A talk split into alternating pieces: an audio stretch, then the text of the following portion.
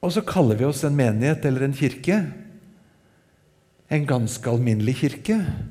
Eller en hellig, allmenn kirke. Hvem meldte oss inn? Hva fikk vi på kjøpet? Det skal vi prøve å se litt mer på. Hvis du hadde bytta ut meg med en journalist fra NRK Dagsrevyen, og han ikke hadde bøyle der, men hadde mikrofon, og så spurte han deg på vei inn her Er du hellig? Hva skulle du svart da? Er du hellig? Eller i morgen tidlig når du står opp og går på badet og ser deg i speilet og sier Ser jeg en hellig person? Det er krevende å stå fram og si 'yes'. Jeg er hellig. I Bibelen så står det veldig tydelig at Gud er hellig. Og så står det faktisk at barnet hans er hellig også. Allerede i Gamle testamentet, i tredje Mosebok, så sier Gud rett ut Dere skal være hellige, for jeg, Herren deres Gud, er hellig. Det er ikke bare det at vi skal være litt hellige, men vi skal være hellige akkurat sånn som Gud er. Er du sånn? Er jeg hellig? Ja eller nei? Enig i at det er en krevende greie? Når Jesus holder sin bergpreken, så bytter han bort ordet hellig med fullkommen. Og Nå snakker han til sine disipler, til Peter og Judas og Thomas og Johannes og Jakob og den gjengen. Dere skal være fullkomne. Jeg liker friidrett. I høydehopp så er det noe som heter å legge lista litt høyt. Enig i at Jesus legger lista veldig høyt. Når han bytter ut ordet at vi skal være hellige, med at vi skal være fullkomne. Og han føyer til på den måten som deres himmelske Far er fullkommen. På den måten skal du være det. Og Når Peter lenge etterpå skriver sitt første brev, så sier han Han som kalte dere, er hellig. Men slik skal også dere være hellige i all deres ferd. For det står skrevet 'Dere skal være hellige, for jeg er hellig. Det var enda noe hvis det sto at dere kan være hellige på noen områder, eller i rett forstand. Misforstå meg ikke. Men når det står 'vær hellige på alle måter' Wow! Hellig bankkonto. Hellig gasspedal hellig Facebook-konto, hellige klikk på likes, hellig fjernkontroll foran TV-en.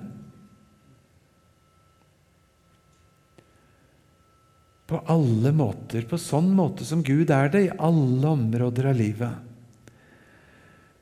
Å være en kristen, det er liksom ikke bare å gå all in for noen idealer å stille opp på et og annet veldedig prosjekt. For den Gud som snakker til oss i Bibelen, han er ute etter hele livet vårt og hele evigheten vår. Betyr det at han er en kontrollør som er ekstra grundig og litt ekstra streng? Ville du da ha millioner som elsket deg, 2000 år etter at Jesus var her? Hva er hele historien? Å være hellig Vet dere hvordan det ser ut i Japan, der jeg vokste opp? Der ser det sånn ut. Er det ikke vakkert sånn billedmessig? Pen fasong på disse portene. Egentlig en veldig fin rød-oransje farge. Det er porten inn til et tempel. Den står der for å skille det hellige området fra verden rundt. Du som kommer til et tempel for å snakke med disse åndene som er der, du skal vite at nå går jeg over en grense inn i det hellige. Om natten, når de onde ånder lusker, så skal de risikere i mørket å dulte borti noen av de spisse hjørnene, sånn at de skjønner at her er de ikke velkommen inn. Og så er den vakre, lille buen med spissene der ute. Egentlig et ganske sårt signal om mennesker som på en eller annen måte beskytter seg i mørket mot onde ånder som kanskje hevner seg. De helligste tankene en japaner gjør seg, ser kanskje sånn ut. Her er det sånne små mini-shinto-porter med litt japansk skrift. På vei til tempelet for å be åndene om beskyttelse, så kan du kjøpe for en rimelig penge en sånn fin, liten buet port. Og Så velger du den innskriften som stemmer med hva du har på hjertet. Så tar du den med deg inn i tempelet og leser det opp. Og Så henger du det på en vegg etterpå, og så håper du at åndene som styrer med den delen av livet, kan se det. Et hellig signal om hvem jeg er.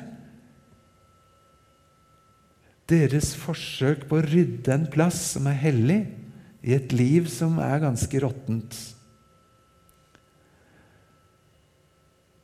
Og så handler det om å ligne Gud, å være Gud sine barn. Jeg vet ikke om dere syns det er noe stas, men jeg smiler litt når jeg ser disse to guttene som står og snakker sammen, og den ene spør den andre er du i slekt med noen berømte kjendiser. Så svarer den andre kledelig beskjeden at jeg liker jo egentlig ikke å skryte. Men jeg hørte pappa kalle Gud for faren sin. Er du kjent med noen kjendiser? Har du en slekt du er stolt av? Hvis Gud inviterer deg til å kalle ham for din far, blir du stolt av? Han sier 'jeg er dattera hans', sønnen hans. Han rekker ut ikke bare en hånd, en hånd som er ødelagt av nagler som ble kjørt gjennom hånda hans. For å få tak i din, fordi han vil noe med deg. Og så innebærer den hånda en hellig utstrakt hånd ifra en som vil ha med hele deg å gjøre, en som vil ha deg for seg selv, og som bryr seg om hele livet og hele evigheten, og som allerede har skrevet dagboka di fra dag én, fra du ble unnfanget, og som allerede har kontroll på boka helt til siste dag, før en av de var kommet. Fordi du og jeg er i hans oppmerksomhet. Det å bli en kristen kaller Bibelen å bli et Guds barn. Guds unge. Og dermed får jeg ganske plutselig mange søsken, for jeg er visst ikke den eneste. Noen er født som enebarn, tror de. Men Gud har ingen enebarn. Alle i Guds barneflokk de har en utrolig stor søskengjeng. Oi, hva skjedde nå? Fikk jeg så mange søsken på en gang? Søsken er en fantastisk ord. Vi hører sammen på en eller annen måte. Men hvem var det som meldte meg inn? Det er ganske mange ting du og jeg aldri har meldt oss inn i. Kan dere huske den dagen dere meldte dere inn i ligningskontoret? Med en vakker anmodning og søknad om de kunne være snill å trekke en 20-30-40 av lønna resten av livet? Kanskje det er noen som har prøvd å melde seg ut? Men Dere husker kanskje bedre den dagen dere meldte dere inn i tyngdeloven?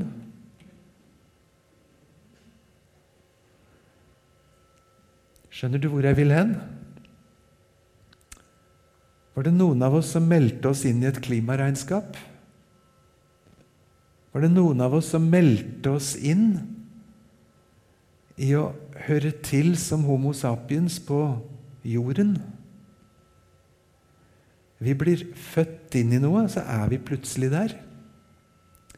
Nå snakker vi om hva det er å høre Jesus til, å være et Guds barn. Det er på en måte et valg. Og så mer enn antyder at det øyeblikket du svarer ja til å ha Gud til far, så fikk du plutselig noen millioner søsken. Fikk du det på lasset, eller fikk du det som bonus? Jeg tror alle kristne har lyst til å svare at det er bonus. Vi har bonussøsken, i beste mening av det. Hvor du kommer på kloden, så er det noen som egentlig er søstera di og broren din. På en måte som de vil påstå stikker dypere enn om de hadde samme mor og far biologisk. Hellig og plutselig ganske annerledes. Hvis noen blir en kristen, så er de samme ansikt, kanskje samme klær, samme personnummer. Sannsynligvis ca. samme økonomi. Nytter ikke å melde til Brønnøysund at 'jeg ber dere slette all gjeld på mitt personnummer', for nå er jeg det gamle er borte, og alt er blitt nytt. Jeg er frelst. Det er ikke sikkert de syns det fungerer helt. Er det ikke sant at det er nytt? Ja, du blir født inn i et nytt nettverk. Og mer enn bare et sånt nettverk som du blir pådyttet av en reklameagent. Kanskje livsstilen blir annerledes. Plutselig for noen, gradvis for noen. Bibelen sier at du har snudd. Du har blitt omvendt. Før skulle du dit, sånn som alle de andre. Nå har du plutselig liksom snudd 180 grader og befinner deg på en mye smalere vei, men ca. i samme landskapet som før. Og så smeller det noen ganger. Front mot front. Er det vi eller de som kjører feil retning? Annerledes. I Bibelen så ser det f.eks. sånn ut når Peter skriver brev. Da skriver han til noen kristne de fleste av de hadde vært hedninger inntil nylig. Det er nok at dere i den tiden som er gått, har levd sånn som hedningene vil, med utskeielser og lyster, drikk, festing, fyll og forkastelig avgudsdyrkelse.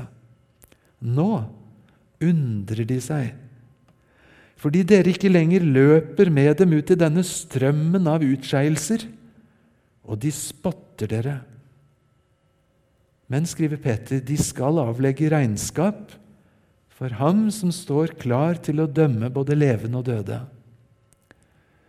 Folk lurer på hvem du er, fordi de ser en forandring. Hvert år på Fjellhaug, der jeg jobber, så er det en eller noen som gir til kjenne at de gruer seg til å reise hjem til jul. For de er redd at de er blitt så forandra at vennene på en måte blir litt usikre. Du er blitt kristelig. Skal du ikke være med? Er du ikke med i gjengen mer? Skal du gå hjem klokka elleve? Skal du et eller annet? Og kanskje familien ikke er kristne, og så er de redd for at nå skal de dumme seg ut, eller ikke passe inn. Fordi på en eller annen måte så har det skjedd en sånn forandring. Peter sier det er i hvert fall tydelig der hvor dere hører til. Folk undrer seg, og noen spotter dere. Det burde de ikke gjort, for snart skal både de og vi stå framfor Gud og svare et regnskap. Og så skriver Paulus i Romerne 12 en direkte oppfordring til at vi skal bli forvandlet. Ikke innrett dere på den måten som den nåværende verden gjør. Men la dere forvandle ved at sinnet fornyes, sånn at dere kan dømme om hva som er Guds vilje, det gode, det som er til glede for Gud, og det fullkomne. Ikke legge opp løpet sånn som alle andre gjør. For hvis de legger opp et løp og et skjema for å nå dit på den tiden, og du skal dit, så er det ikke veldig lurt å henge på de, for de skulle jo et annet sted. ikke la dere prege og fange, men våg å bli forvandlet. Våg å bli en annen. Slipp til at Gud kan gjøre noen forvandlinger. Han som kunne skape en hel verden med sitt ord, som vil og kan gjøre noe med oss. Parentes. Da Sverre var 13-14 år, da var det veldig kult å ha langt hår. Det var liksom et signal om at du var litt på lag med hippiene. Eller i hvert fall de som våget å ta et skritt litt utafor et eller annet. da. Og så ble vi møtt. Nei, nei, nei. Du skal ikke skikke deg lik som denne verden. Og så hørtes det ut som det betyr du burde følge motene fra 1950-tallet og ikke 1960-tallet. Så skikk dere ikke den lik den moten som slo gjennom i forfjor, men hold dere til den som var da vi foreldrene vokste opp. Jeg husker da jeg skjønte at det var egentlig misbrukt vers og bibel. Da tenkte jeg blir du far, så skal du være litt forsiktig med den. For Når Bibelen sier at ikke vi skal gå etter det skjemaet som denne verden gjør, så mener de ikke liksom bare moten fra i forgårs eller en generasjon. Men da er det hele den verden som vi hører til i, gjennom årtusener. Alle de som hadde et annet mål enn Gud som sier slik. Og så går det så mye, mye dypere. Én ting var å ta en hårklipp en gang i måneden for å liksom matche det. Men det betyr jo ikke det at jeg plutselig er forvandlet av Guds ånd, sånn som dette verset sier. Det går dypere, men det kan hende det har med ytre ting å gjøre òg. Jeg fant et bilde som jeg syns er utrolig bra, men jeg er ikke sikker på om dere klarer å se det på veggen her. Ser dere at det er en stor trestamme som deler seg i mange greiner? Men på en måte så ser det ut som om det er to hender som griper tak i treet og nesten forandrer det treet. Jeg ble sittende og se lenge på det, og kona mi syntes det var helt fabelaktig. Det syns jeg òg. For det forteller meg noe om en Gud i himmelen som kan forvandle. Det er veldig mye inni meg som aldri kommer til å bli bedre, det blir heller litt dårligere. Det betyr det er ikke stillstand, det er ikke status quo. For liv er alltid bevegelse. Jeg må være ærlig og si noe går nedover. Men jeg tror på Gud Fader den allmektige, som til og med kan gjøre under og forvandle. Den som stjal, skal ikke stjele lenger, men gjøre noe nyttig. Den som løy, skal ikke lyve mer, men bruke tunga til noe nyttig, f.eks. å prise Gud. Sånn skriver Paulus. En forandring og en forvandling. Det gjelder individet, og så gjelder det oss som søskenflokk som hører Jesus til. Gud kan forvandle en og en, og så har han lyst til å gjøre noe med oss, hele gjengen. Det bibelverset der har jeg blitt veldig opptatt av de siste par årene. For det handler om at Paulus, som begynner å bli litt gammel, han skriver brev til Timotius, som var litt yngre, men på det tidspunkt hadde han vært misjonær og pastor kanskje i 15 år etablert menigheter og styrt en haug med menigheter. Men så skriver Paulus jeg måtte skrive et helt brev til deg, for det er noe du må lære. Og det er hvordan er det du ferdes i Guds hus? Det å bevege deg, høre til, ha sitt arbeid, ha sitt liv sammen med Guds folk. Det er en så stor og viktig og egentlig spesiell greie. Jeg må skrive et helt brev til ekstra til Timotius. Hvor mange kapitler måtte han skrive til deg og meg? Vi kan tenke oss at hvis du får gått fem år på en eh, teologisk seminar, så har du lært omtrent hvordan du skal oppføre deg i Guds forsamling. Men egentlig så stikker det mye dypere enn det. Andre ser et hus, en kirke, en ganske alminnelig kirke, mens Herren ser sin ungeflokk. Du ser dine søsken. Se på veggen hva vi blir kalt for noe. Den levende Guds menighet. Sannhetens støtte og grunnvoll. Tenker vi sånn om oss selv? Hva er det vi driver med? Vi er støtte og grunnvoll for selve sannheten, sånn som Gud definerer det. Så er det så fort gjort at de hellige samfunn det blir de heldiges samfunn, de vellykkede samfunn, de prektige, de som fikser livet. Jeg vet ikke hvor ofte jeg hører naboer og andre si det. Dere er de som liksom har ordna dere. Så tenker de at eh, vi ikke er som de, og egentlig de bare måtte bli annerledes. Når Jesus holder bergpreken, så sier han noe rart. Han sier 'dere er jordens salt'. Jeg syns det hadde vært lettere å forstå hvis han hadde sagt 'jeg syns dere burde prøve å bli jordens salt'.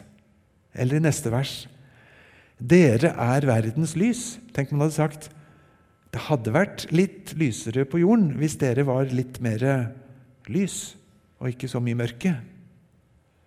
Men det er ikke en oppfordring. Det er ikke en gradvis Jesus definerer og sier dere er det saltet på jorda som hindrer at alt råtner. Dere er det lyset på jorda som gjør at ikke hele verden er blindebukker i dønn mørke. Det gjør en forskjell for verden at dere fins. Salt som hindrer at alt råtner.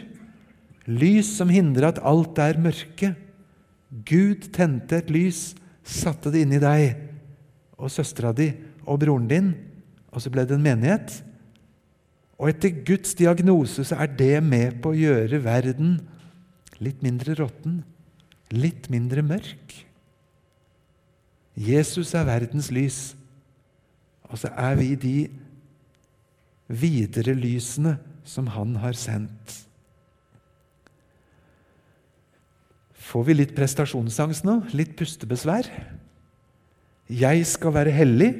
Jeg skal være annerledes. Jeg skal leve så annerledes at naboene sier 'wow'. Nå undrer de seg.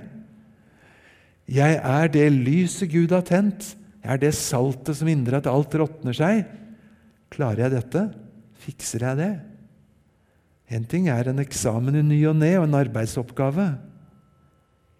Men ifra Gud den hellige sammen med de andre, satt til noe så stort. Den teksten som er på veggen nå, det er liksom en klassikertekst om misjon. Og Der står det at vi, og nå er det ikke bare Paulus, men alle vi kristne, vi er utsendinger. Vi er delegater. I amerikanske bibler står det gjerne 'ambassadors'. So we are ambassadors for Christ. Hva det er å være ambassadør, det har jeg ikke visst så veldig mye om, men plutselig oppdaget jeg at en gammel kamerat fra tenåra han er ambassadør for Norge i Genéve. Med rikelig titler og slips osv. Og, så og vi har tatt opp kontaktene. Kjempespennende. Flott fyr. Og Så prøver jeg å tenke vi to som løp rundt i kortbukser en gang i tida. Jeg er ambassadør, jeg òg. Han er det, og jeg er det ikke så verst å være ambassadør for Norge i FN. Det er ikke så verst å være ambassadør for universets herre. På Sinsen eller i Enebakk eller Åsane eller i Laksevåg eller der du måtte være. Så er jeg Guds utsending. Og se på fortsettelsen her. Det er Gud selv som formaner gjennom oss.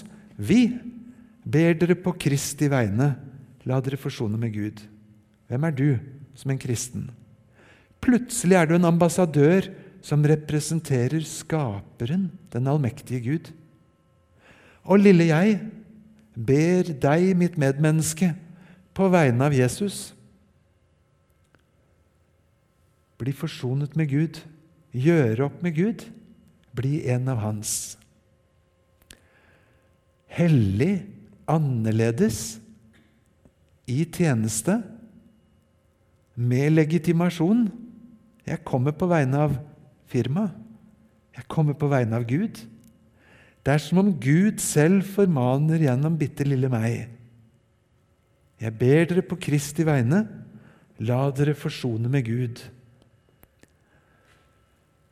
Det å bli en kristen er jammen ikke småting. Gud ser. Gud rekker ut en hånd. Gud vil være bror, far, søster, hjelper for oss. Lover å følge hvert øyeblikk. Han legitimerer oss og autoriserer oss. Og utstyrer oss med legitimasjon som om det var Jesus selv som sto der lille jeg står. Vi ber dere på Kristi vegne, la dere forsone med Gud. Er det synd på deg og synd på meg hvis vi blir ledd ut som kristne? Vi representerer noe så mye større. Og det gjør at vi på en måte må te oss litt annerledes. Jeg hørte en historie for lenge siden fra Hamar. En som het Magne, som var en kristen. I skolegården. Og så var det en av kameratene som sto der i en gjeng da, og sa at 'jeg har hørt en skikkelig grov en'. Og hvis det er noen av dere som ikke tåler å høre den, så får dere heller gå. Og så fniser gutta sånn litt tøft. Men han Magne han sa 'Jeg tåler ikke den', sa han. Og så gikk han. Etterpå er det ingen som husker vitsen, men de husker én som skjønte at det der hører ikke til. Det passer ikke. Jeg kalte noe større enn å høre en råtten vits.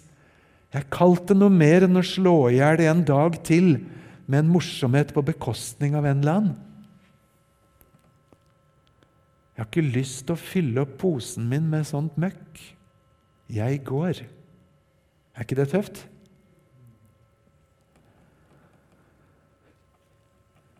Ja, men vi vet det jo bare så godt. Vi er ikke noe bedre enn andre. Vi kan kalle oss så mye kristne vi vil. Ok? Nei, Vi ser kanskje ikke den himmelvide forskjellen. Men jeg tror altså på Gud Fader den allmektige, som til og med er i stand til å forvandle og gjøre ting i livet mitt. Efeserne 5,8. En gang så var dere selv mørke. Men nå, i Herren, er dere lys. Lev da som lysets barn. Det er liksom ganske kontrast, dette her. Også et vers som jeg har svelget mange ganger for å klare å venne meg til, i Filipperne 1. Paulus skriver i sammenhengen om at av og til lurer jeg på om det egentlig er verdt å leve. For hvis jeg dør nå, så kommer jeg jo rett til Jesus i himmelen, og det er mye bedre. Så hvis jeg kunne velge, så skulle jeg ønske jeg kunne dø på flekken. Å komme til Gud umiddelbart, det er da mye, mye bedre enn å leve her i et fengsel som en misjonær, snart martyr. Men det er ikke jeg som velger. Og jeg har vent meg til og blitt venner med den tanken at jeg antagelig skal leve litt til. Og hver dag er for meg Jesus. Og når døden kommer, så er det en vinning. Men antagelig så skal jeg leve litt til. Og poenget med å leve litt til, det står på veggen her. Jeg skal bli hos dere alle, og jeg skal hjelpe dere til fremgang og glede i troen. Om to måneder så er det jul. Om to måneder er det nyttår. Det er årsoppgjør. Hvis du skal ha et årsoppgjør med Gud, har troen din hatt fremgang siste år? eller tilbakegang eller stillstand. Fremgangsteologi det er et sånt litt farlig ord. For det brukes ofte om de som mener at det går bedre og bedre dag for dag, og snart slutter du å synde. Og velsignelsene blir så rikelige at livet er liksom bare en wow av luksus. Det blir feil. Og Likevel så står det altså svart på hvitt eller rødt på veggen her det er noe som heter fremgang i troen. For jeg tror på Gud Fader den allmektige. Ikke fremgang sånn at jeg kan krysse av og klare meg sjøl. Men når Gud ser på sitt verk og på sine barn, som han jobber med, armene hans som strekker seg ned imot lille meg, og som er i stand til å gjøre noe, så skal jeg også stille meg åpen for Gud og si jeg er klar for en slags forvandling. Jeg er klar for at du styrer med meg. En gang til hva er en kirke for noe? er det en religiøs supportergjeng. Jeg vet ikke om du syns, men det ene er altså hjemme fra Oslo. Det er klanen til Vålerenga. Eh, jeg kjenner noen som er med der, og de har det utrolig gøy. De er så høyt gira, særlig før kamp, og noen ganger også etter. Eh, og de har en type fellesskap at vilt fremmede folk som de møter, men med riktig skjerf, de kan liksom nesten gå bort og omfavne hverandre på gata. De har noe felles. Har de mer fellesskap enn det du og jeg har som er kristne? Det er spennende å tenke etter. Og Så tok jeg et bilde fram fra et hagelag med noen folk som er veldig glad i roser. Og som møtes og deler kunnskap om hvordan du steller med rosene så de blir enda litt finere. Og så spør jeg er kirken og menigheter en sånn supporterklubb Enten for Vålerenga eller for roser eller for menneskesinnets foredling eller et eller annet sånt? Nei, vi vet at det er jo ikke det. Men hva er forskjellen? Hvorfor er vi ikke det? Hva er vårt DNA? Hva er det som gjør oss til det vi har? Jeg må få dele med dere en gang til listen over hvordan Gud snakker om oss. Gud sier at vi er hans folk. Hvis noen spør Gud hvem er på din side, hvem er ditt folk, da peker han på deg og meg som vil være kristne, og sier dette er mitt folk. Dem har jeg plukket, håndplukket. Jeg har løftet dem fram og satt dem til dette. Hvis Gud spør 'Hvor er din kropp?', så peker han på oss. Og så er vi som vil være kristne, vi er den kroppen Jesus trer fram med overfor verden. En synliggjøring av hans nærvær. Vi er en familie med Gud som far, søsken som hører sammen, selv om vi ikke klarer å huske navnet på de tre bortafor oss i stolraden. Det er ikke så greit å holde orden på så mange søsken. Vi er Gud sitt hus. Han flytta inn i det tempelet som er oss. Vi er den saueflokken som følger den gode hyrden. Og de andre menneskene er den saueflokken som lar seg lure av en ulv, eller hvem det er. Vi er som det vintreet med alle greinene som bærer de fruktene som er så verdifulle. Livsdråper. Vi er kongene som Gud har satt på jorden. Vi er hans prester. Vi er den bruden Gud har tenkt å gifte seg med. Vi som er syndere og vet at ikke vi er bedre. Jeg hørte en historie fra en annen familie som også har fem barn. Der skjedde det for n-te gang at en av guttene, og det var den samme denne gangen som alltid ellers, velter melkeglasset som velter bort på broren og ned på fanget, og alt er liksom bare dumt. Og Når de har fått tørka opp og så videre, alt sammen, så sitter søsknene sånn passe oppgitt over dette sorte får av en bror som for n-te gang gjorde dette. Og Det var en prestefamilie, dette her, så det var en av de prestesønnene som da sier Også han sier om broren sin han har tenkt seg til himmelen, sa han. Faren, som da er prest, skremtet litt og sa noe om at himmelen er jo nettopp for syndere og tilgivelse. og sånn. Ja, ja, ja, ja, pappa, sa han. Men tenk på en hel evighet, da, sa han. Tenk deg en hel evighet. Sånn ser det ut for oss. Hvis universets herre bygger en ny himmel, og så skal han plukke innbyggere Og så er du håndplukket. Så lager den rom med navnet ditt. Og så kan du se deg rundt på de andre som skal samme vei. Gud i himmelen vet hvem han velger, og plukker en brud. Ikke fordi vi er perfekte, ikke fordi vi snart blir det, men han som er synderes venn. Han henvender seg til deg og til meg, og på ramme alvor inviterer oss med. Dere, skriver Paulus til filipperne, dere en og en og en og en, dere skinner som stjerner på nattehimmelen. ikke det et flott bilde? Når du er virkelig ute på åpent hav så det ikke er noe som lyser, men det er stjerneklart. Eller om du har vært skikkelig høyfjell eller på ei vidde. Ingen lysforurensning, men stjernene. Og så sier Bibelen du og du og du og du er de stjernene som Gud plasserte på stjernehimmelen sin, som skal lyse opp denne verden, til og med i mørket. Dere stråler blant dem som stjerner på nattehimmelen. Og så prøver vi å få noen andre med på dette. Nå skal jeg fortelle om en litt rar telefon jeg fikk. Kanskje jeg har fortalt for noen av dere før, men det har gjort inntrykk på meg. Jeg satt på kontoret mitt på fjellet hos ringetelefonen. Hallo. Og så hører jeg stemmen på en som hadde gått hos oss et par år før. Hyggelig å høre stemmen din. Ja, hyggelig. Men du, det er noe jeg lurer på. Jeg har akkurat truffet på en fyr som sier det at eh, han har hørt at han kan ikke være en kristen. For han har ring i nesa, og så har han høl i øret.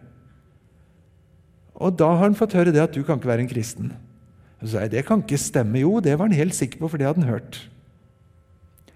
Men du, Sverre, sa han derre fyren som hadde gått hos oss, sa ikke du noe i en eller annen time om både ring i nesa og høl i øret? Å hjelpe meg, hva har jeg sagt for noe dumt? Den ringen i nesa kan det hende at det var da Isak, Abrahams sønn, skulle gifte seg. For da sendte han jo en tjener som het Elieser, til Mesopotamia for å finne riktig dame til brud. Og så fant han Rebekka. Og Rebekka hun samtykket i å bryte opp fra slekten og bli med til ødelandet i Palestina for å gifte seg med en eller annen Isak. Og gifteringen ble ikke satt på fingeren, men på nesa. Ja, det var det du sa, ja, sa han om den ringen i nesa. Men det hølet i øret, da, sa han. «Eh, ja, sier jeg, kan det være når vi gikk gjennom lovene i Moseloven om slaver og slaveri? For der står det jo det at hvis noen har vært slave lenge i et hus, sånn at han kan gis fri, så kan det hende at han sier 'Jeg ønsker ikke å gå fri. Jeg ønsker å bli her i huset, for her har jeg det godt.' I så fall skal han gå bort til dørkarmen i huset, og så skal husets herre ta en liten syl og så stikke hull gjennom øret og inn i dørkarmen. Så kan alle se at han har frivillig fått hull i øret fordi han valgte å bli slave i huset. Og så kan de se på det hullet i dørstokken, dørkarmen i huset, og vise at han hører til der. Ja, det var akkurat det du sa. Nå husker jeg det, sa han. Men du, Sverre, du skjønner, nå står jeg på torget i Stavanger, og så prøver jeg å vitne litt om Jesus, og sånn, og så kom denne fyren som trodde han ikke kunne være en kristen fordi han hadde ring i nesa og hull i øret. Kan ikke du si alt det du sa nå en gang til, så skal jeg løfte mobilen opp og skru opp så høyt jeg kan, og snakke litt høyt. Så kan alle på torget i Stavanger få høre at du kan være en kristen selv om du har ring i øret og hull i nesa. er det ikke flott? Så er vi da sendebud for Kristus. Det er som om Gud selv formaner gjennom oss. Rydd vekk alle misforståelser, alle menneskebud, som gjør at folk holder seg vekk og ikke tror de kan være kristne. Rekk ut på Guds vegne, hånd til han der med piercing og hva det er for noe, og si til han at du skal få lov å komme til Jesus. Du blir Gud sitt barn. Du får en masse søsken. Han flytter inn og gjør deg til verdens lys og jordens alt. Og så får jeg stå og si det på torget i Stavanger. Og så er det én som forteller en annen, som forteller en tredje. Og i 2000 år så har Guds kirke på jord vokst av at noen fortalte noe annet om det. Jeg liker så godt den tegningen der. Det er ikke fint å se et lam som er slakta, og blodet som tyter. Men ser du hva figur det blir av det blodet? Jesu, Hans Sønns blod, renser fra all synd. Han er en soning for våre synder, ikke bare for våre, men for hele verdens. La verdenskartet fylles med det Guds lam som bar vekk verdens synd, og blodet som gjør oss til Guds barn. Men så står det en spennende bibeltekst her ved siden av. Den er fra 1. Korinterbrev 6. Og den høres veldig skarp ut, for den sier noe om grensen mellom privatlivets fred og Guds innblanding.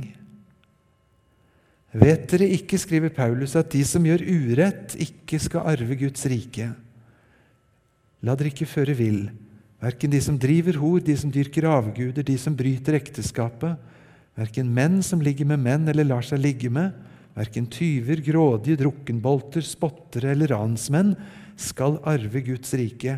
Slik var noen av dere før, men nå er dere vasket rene. Dere er gjort hellige, dere er gjort rettferdige i Herren Jesu Kristi navn og ved vår Guds ånd. Før og nå. Forvandling. Bytta side. Og så må Paulus skrive veldig alvorlig om fortsatt hvordan de synder der de ikke skulle. Men han konfronterer dem med et alvor denne kirken hører Gud til. Gud eier. Og Gud har faktisk en mening om hvordan det skal være. Gud tar sjansen på å fortelle deg og meg hvordan vi skal leve, hvem vi skal være, hva vi ikke skal. Han forventer at det lyder med autoritet. Ikke bare som et råd, men det er det også. Men å bli en kristen det er å bytte sjef, hvor ego må abdisere. Og så trer Gud inn. Og så blir livet mitt i den mening overtatt av en ny herre. Er det mye å frykte? Er det synd på den som bytter ulven med gjeteren Jesus? Er det ikke bra? Er det ikke bra når lyset får lov til å flytte inn? når Han som har laga oss, gir oss instruksjonshefte til hvordan livet kan leves. Men er det også innblanding? Ja, i en mening så er det innblanding fra Gud selv. Og Hadde vi tid, så kunne vi funnet en god del bibeltekster som forteller om at også medkristne, søsken, skal våge å si fra om noe som ikke er greit. Ikke som et sånt politi, ikke som et KGB, ikke som en bedreviter som har fiksa det sjøl, men rett og slett si fra. Det er ikke spesielt lurt å kjøre på rødt. Det er ikke spesielt lurt å kjøre mot kjøreretningen på motorveien. Et vennlig hint fra Gud via en bror eller søster om noe som skal være annerledes.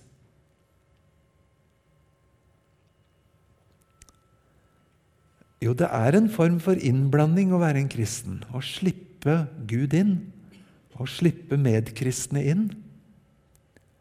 Det som Bibelen kaller nådegaver. At vi kan hjelpe hverandre. Noen må lede sangen. Noen må lese opp fra Bibelen. Noen må være vår forbeder. Noen med å legge til rette at vi i det hele tatt har et hus å samle i men noen som også setter ord på ting bak fasaden som ikke er bra. Som gjør at jeg plutselig står innenfor Gud. Det hender jeg møter folk som sier jeg skulle gjerne vært en kristen hvis det bare ikke hadde vært for de kristne.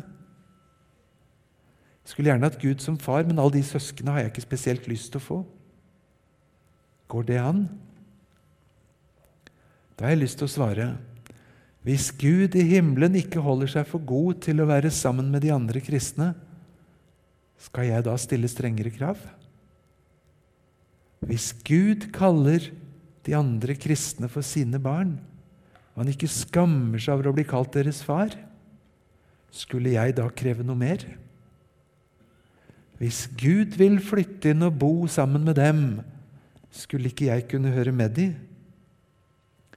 Så møtte jeg en som sa Eller jeg hørte om en fra en god venn som sa hvis jeg skal bli en kristen, så skal jeg bli en ordentlig kristen, og ikke sånn som de. Og så pekte han på et bedehus. For de er hyklere. De holder ikke mål. Det var han ganske sikker på. Så hvis jeg skal bli en kristen, så skal jeg bli en ordentlig kristen, og ikke sånn som de der borte. Det var noe fint i det, var det ikke det? Han ville legge lista høyt. Og vi som er kristne, må bekjenne at mange ganger så gjør vi lite ære på Jesus. Jeg har hørt mange kristne som sier jeg håper ikke jeg står i veien for Jesus. Håper ikke minne feil stenger noen andre ute. Men vi hører til der.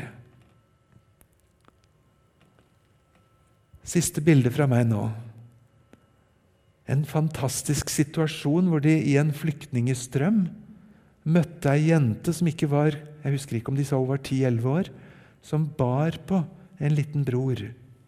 Og Så spør journalisten så dumt går du og bærer på han, er ikke han kjempetung? Og Så svarer hun nei, han er ikke tung, han er broren min. Er ikke et fantastisk utsagn? Det hender det at vi kan bli en byrde for hverandre, gjør det det? Jeg håper ikke det. Men skulle det være, så er det broren min, søstera mi. Neste gang er det noen som bærer meg fordi beina mine ikke klarer å gå lenger. Trenger jeg det? Han er ikke tung, han er broren min. Så hva skjer med den som vil bli en kristen? Mister du kontrollen? Én ting er å få Gud til far, en annen ting er å få noen millioner søsken. Hvem meldte meg inn? Er det verdt det? Ja, det er en ganske bulkete gjeng. Men det er altså Jesu brud. En hel evighet har han tenkt å leve med oss. Han som kan forvandle. Her hører vi til. Her er flere velkommen. Gud kan.